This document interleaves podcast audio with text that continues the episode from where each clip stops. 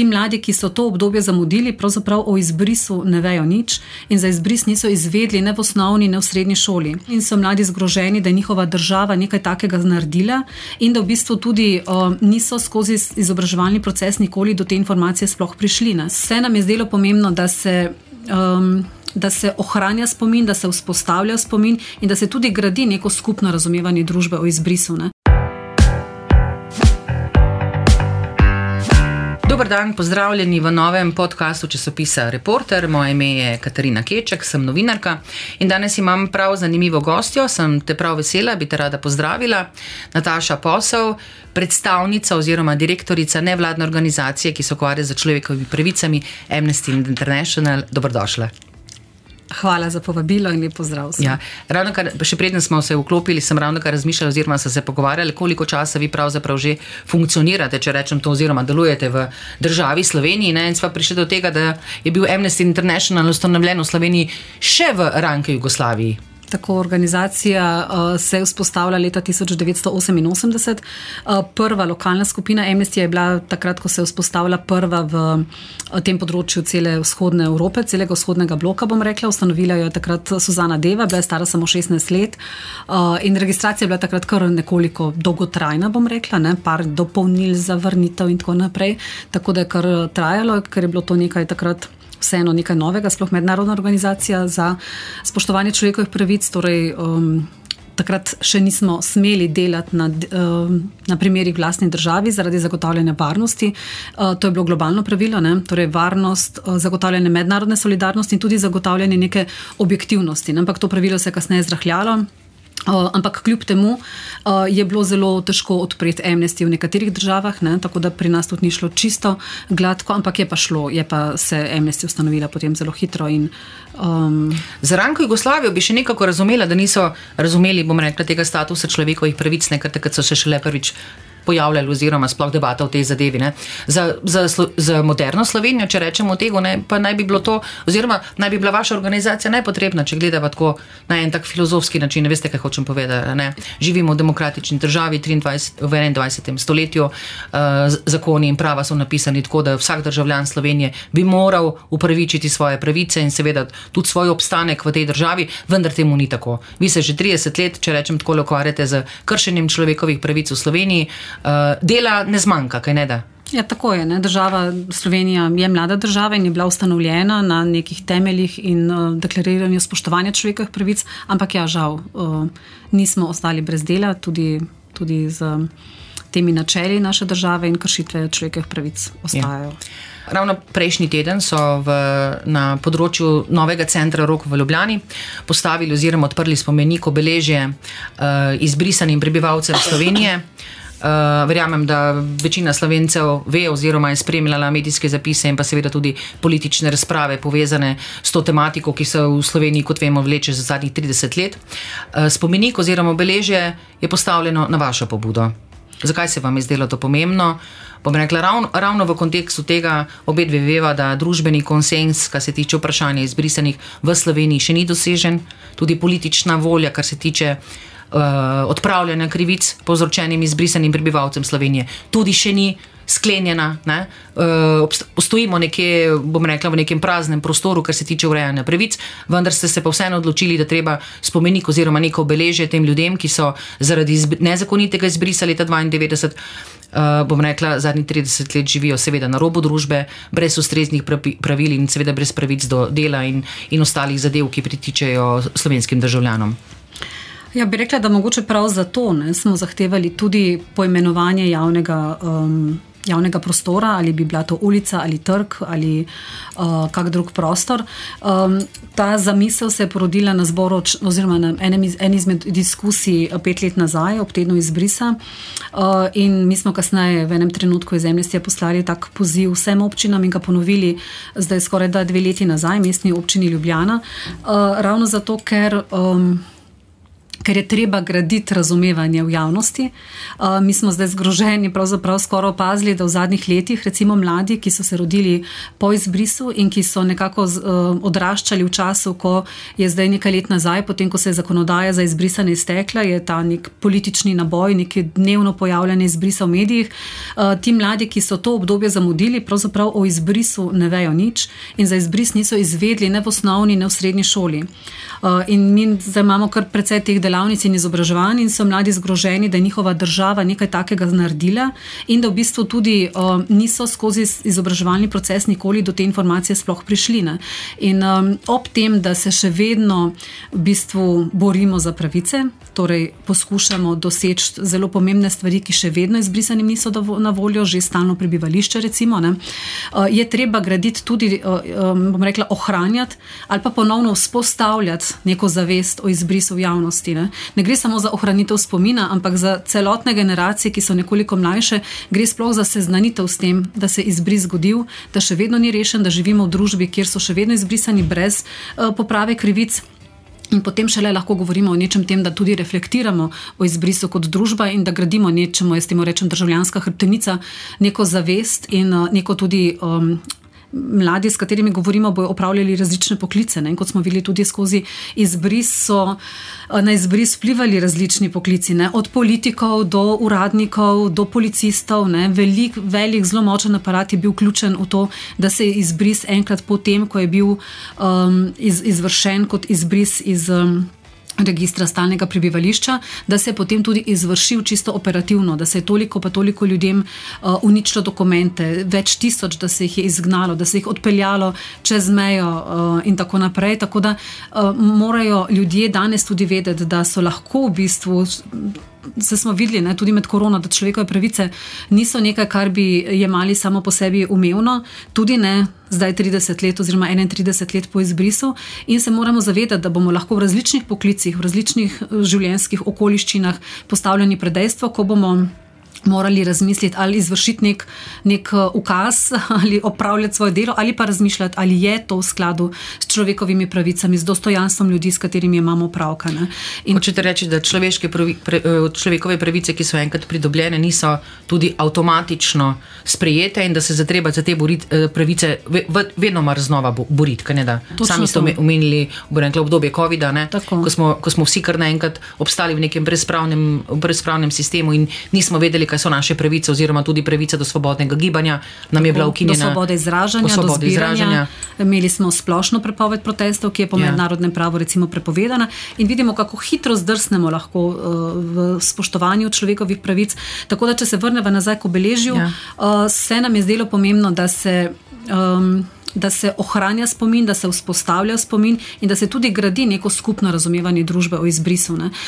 Ker vemo, da po izbrisu so bili izbris, izbrisani predmet, bom rekla, nekega manipuliranja, nekih mitov, so si sami krivi, so se borili proti državi, že niso kaj naredili in to je zelo napajalo tudi neko javno mnenje, ki se je še bolj polariziralo, recimo proti in je trajalo veliko let, preden so še potem z sodbami in z veliko, veliko nekega drugega dela, ne, predvsem strani izbrisanih akcij, razno raznih knjig. Um, drugih akademikov, drugih avtorjev, recimo ogromno civilne družbe ne, se je angažiralo, izbrisani so seveda bili tisti prvi, ki so se začeli povezovati, ampak ogromno tega dela je bilo potrebnega, da se je uh, zgradilo neko razumevanje in uh, priznanje na koncu koncev. Ne, in tukaj je bilo uh, opravičilo predsednika Pahorja v imenu države, prvo tako, bila so predtem nekatera opravičila, ki so bila izrečena v osebnem imenu, ampak vendarle je bilo to prvo, ki je bilo uh, izrečeno. Uradno državno. Ne? Tako, ki je na nek način vse simbolno lahko zaključilo neko obdobje zanikanja in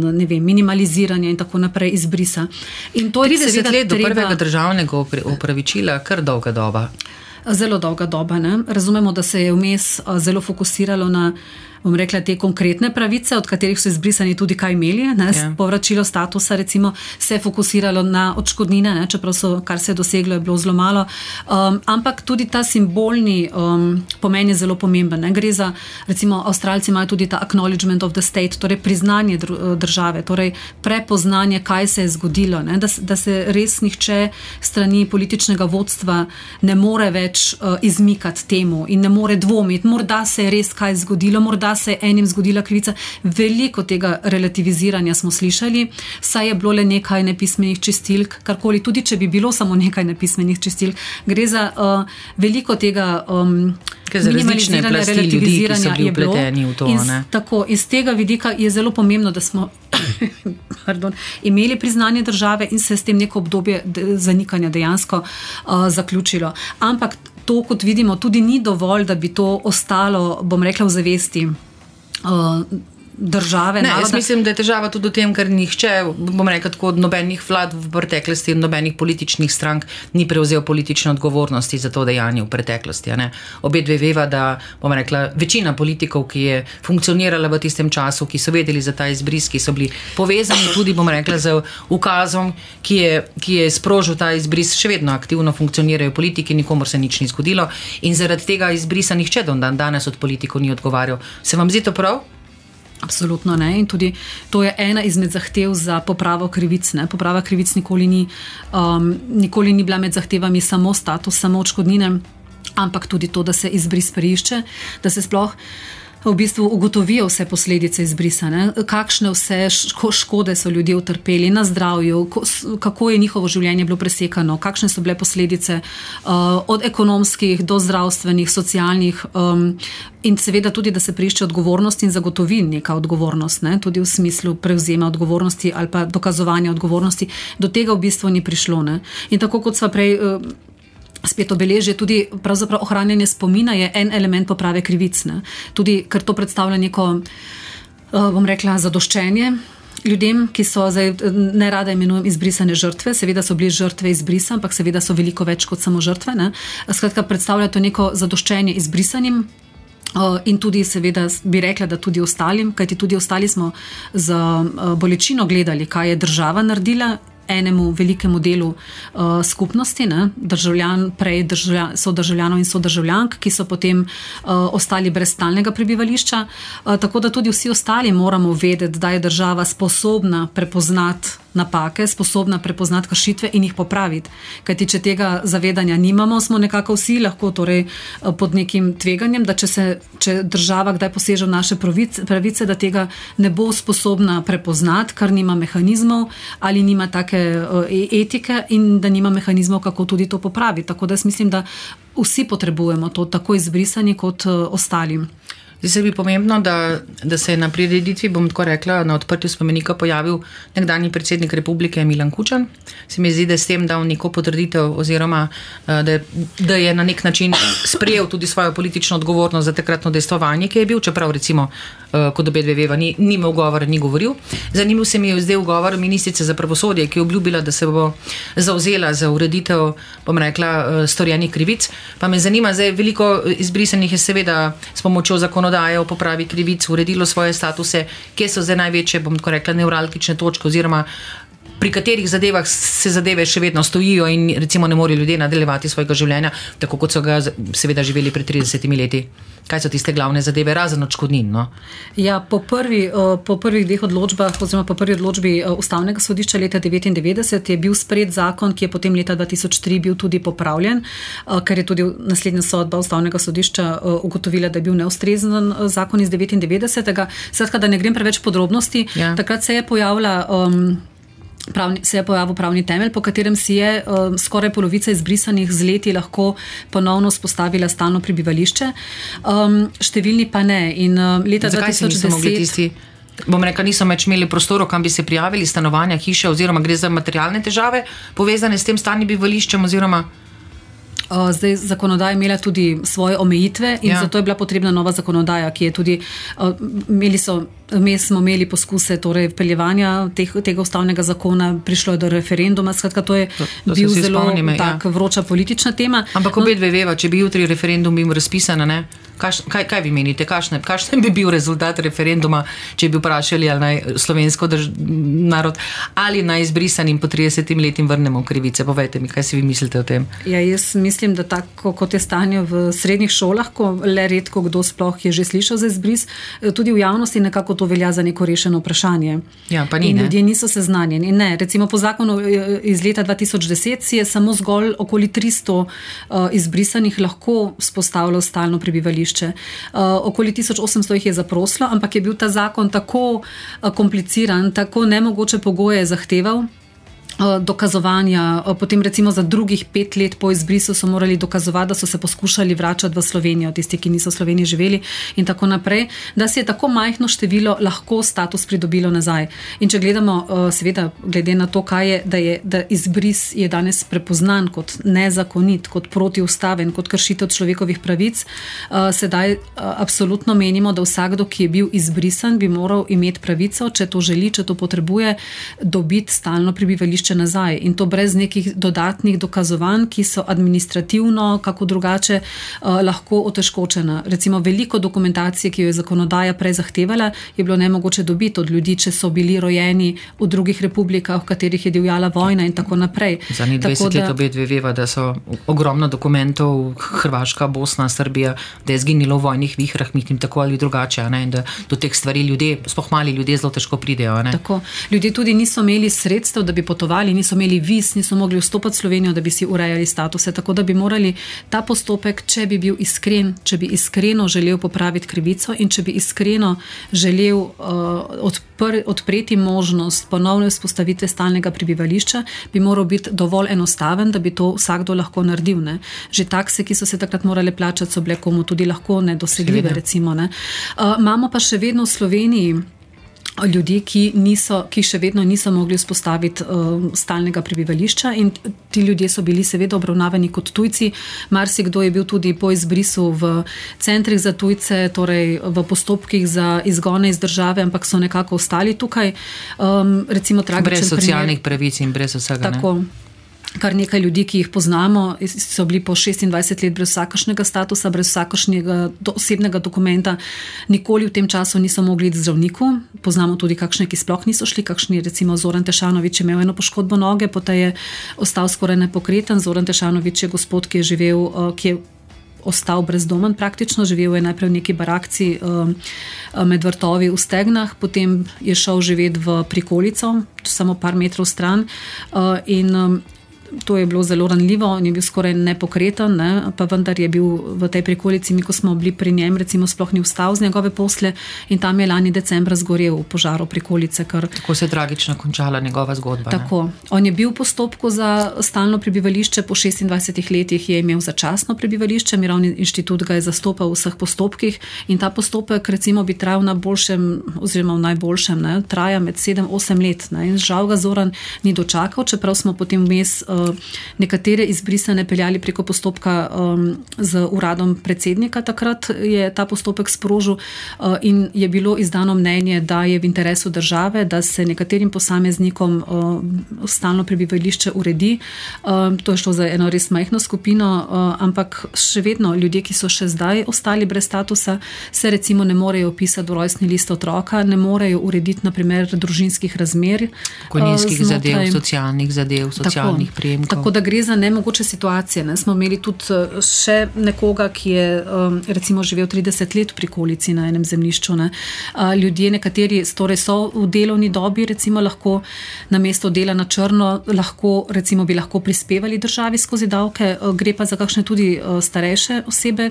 Izbris je seveda ne, že vrsto let nazaj, eh, za katere pa so, recimo, ko pridejo v bolnico, ne, ko bi rabili mogoče domsko skrbo, so pa tako socialni delavci kot zdravstveno osebje dejansko v pravni slepi ulici, ker zakonodaja njihovega eh, položaja dejansko ne omogoča urediti. Tako da gre za res malo eh, število ljudi, za katere pa brez zakonske podlage enostavno.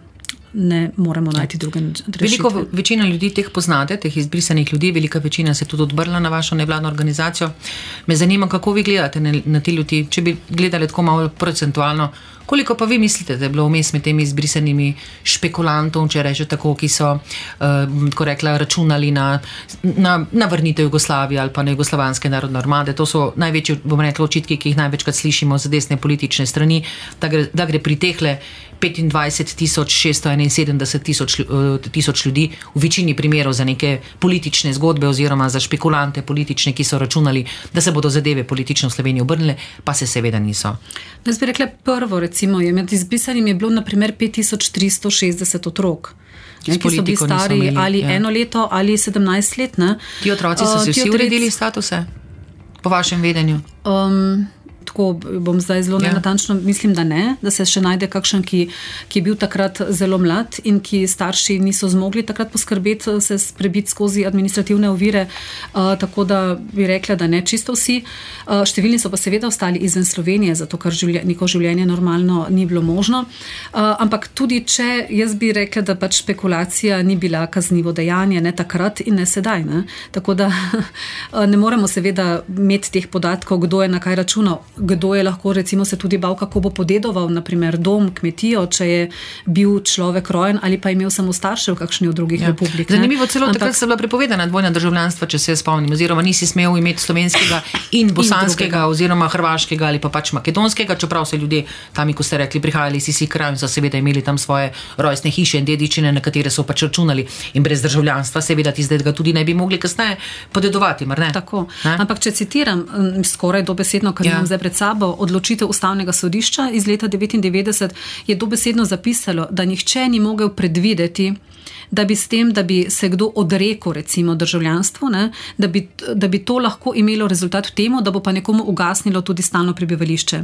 Torej, nihče ni mogel pre, eh, pričakovati, nekdo bi lahko, torej, bilo je popolnoma, jaz, če danes dobim službo v Bruslu ali pa ja. na, Dunaju, med, na Dunaju ali pa v Bruslu ali pa v Londonu, nihče ne bo silo, da spremem državljanstvo. Ne. Kajti na stalno prebivališče so vezane vse bistvene, vse življenjske pravice, ne, torej do zdravstvenega zavarovanja, socialnega in tako naprej. Državljanstvo prinese samo še pravico pravico do udeležbe na uh, nacionalnih volitvah, tudi že na lokalnih ja. je možno stalnim prebivališčem in to, da se da kandidiraš za določena mesta. Ne?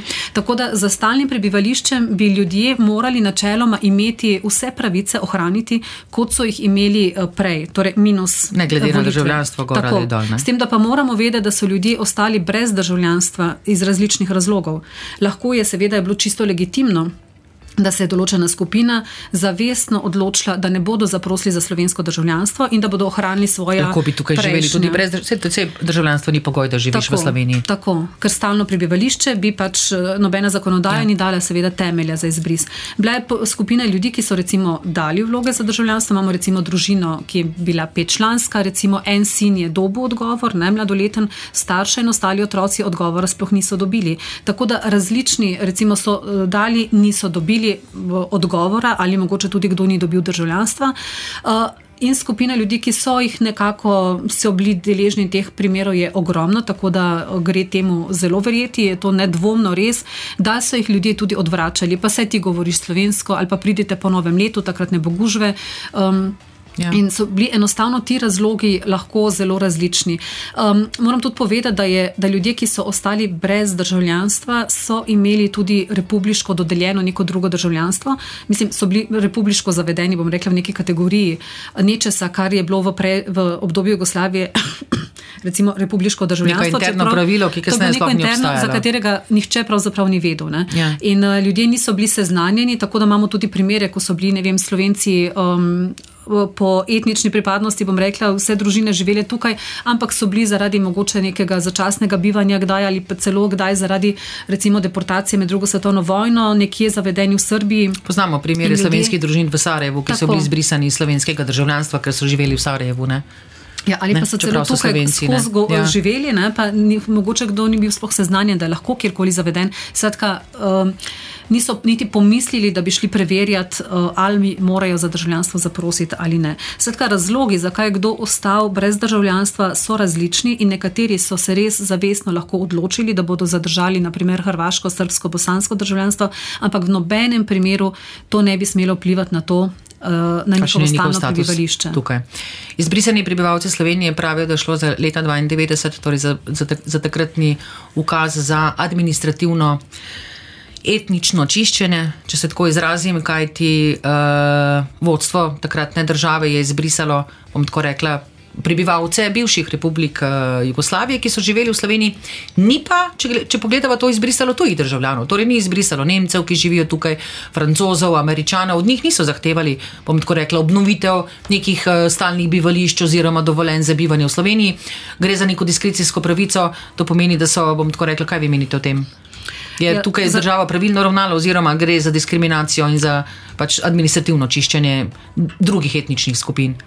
Ja, tukaj gre zagotovo za diskriminacijo in to so ugotovila tudi sodišča, kajti kot, eh, kot si rekla, so bili izbrisani samo ljudje, ki so imeli navezave ali so prihajali iz republik bivše Jugoslavije ali so bili Američana rojeni. No, Američana nobenega niso izbrisali. Ostali tujci, ki so bili tukaj ali je kdo delal preko kakšnih podjetij, iz kakršnih koli razlogov, torej Nemci, Mačari, Američani, Španci, kdorkoli, niso imeli nobenih težav. Status je ostal uh, nespremenjen in tem je ta diskriminatorna narava izbrisana, ker ni uh, šel, ni enako veljal za vse, ki bi ostali brez državljanstva, ampak se je uporabil samo za ljudi iz bivše Jugoslavije. Ja.